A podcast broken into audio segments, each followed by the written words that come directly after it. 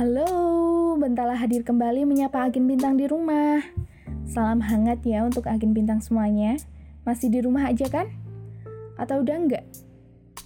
Oh, udah bebas ya? Bukan tahanan rumah lagi. Oke, oke. Gimana perasaannya ada new normal? Kan sejak ada corona, pertanyaan keadaan perasaan seseorang jadi sangat berarti setara dengan menanyakan kabar kesehatan. Mungkin karena sudah terlalu lama di rumah ya. Orang jadi peduli dengan perasaan-perasaan yang dulu sering kita kesampingkan. Jadi bagian dari perhatian dan terasa banget gitu aja. Kita ngomongin perasaan yuk kali ini. Agen bintang siap? Oke, let's get to start. Sebagai manusia, kita diciptakan lengkap dengan fitur tambahan bernama perasaan. Gak tahu juga fitur ini letaknya di bagian mana. Tiba-tiba terasa aja.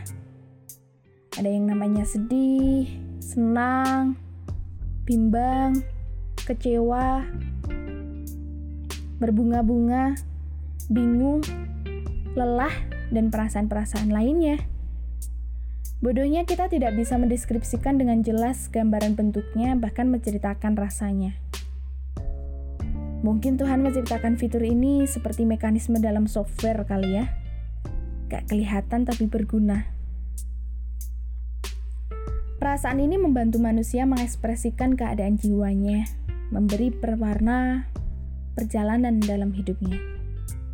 Ketika sedih, jadi susah senyum, merenung, dan banyak diam.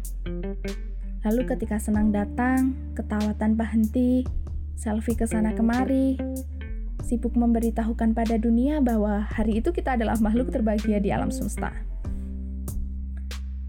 Tapi fitur ini sengaja Tuhan buat tidak untuk kita setting sendiri. Nggak bisa tuh, pas kita pengen seneng, ada seklernya sendiri. Pas bosan seneng, kita bisa ubah ke mode sedih atau mode galau. Sayang, Tuhan gak kasih kita kesempatan buat ngatur itu. Mungkin takutnya kalau kita gak ngubah ke mode lain kali ya. Seneng terus. Mode lain jadi gak laku. Bicara perasaan, teman kalian pasti ada kan yang sering bilang, Cie, galau mulu. Gitu aja lebay. Bucin banget lu. Sampai orang tanya, kamu gak apa-apa, kamu baik-baik aja kan? Are you okay? Dijawab, kepo lu. Mau tahu aja perasaan orang. Hmm. Perasaan-perasaan yang kita punya jadi tiba-tiba harus dikesampingkan karena malas diejek orang. Takut dikomentarin orang. Padahal yang namanya perasaan itu datang dari dalam diri kita. Gak bisa kita cegah. Menanyakan keadaan teman sebagai wujud perhatian atau kekhawatiran karena kepedulian. It's okay juga kalau kita merasa galau, lelah, kecewa, Hal itu lumrah. Manusiawi, tidak perlu dicaci maki. Bisa jadi suatu saat orang malas mempedulikan perasaan lagi. Malas peduli karena dikira kepo.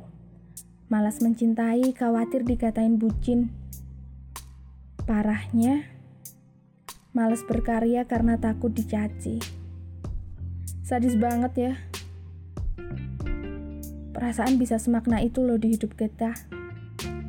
Mau dikesampingkan seperti apa pun, rasa itu juga tetap ada. Tetap bisa kita rasakan. Kalau mereka berkomentar tentang perasaan yang kita rasakan, berarti hari itu kita juga harus belajar memilih untuk mendengarkan atau mengabaikan. Yuk, sama-sama belajar. Selamat mencoba. Bentala pamit ya. Jangan lupa tinggalkan komentar, sebarkan ke teman-teman yang lain, dan subscribe biar Bentala bisa menyapa kembali. Sampai jumpa di podcast selanjutnya. Salam sayang, Bentala.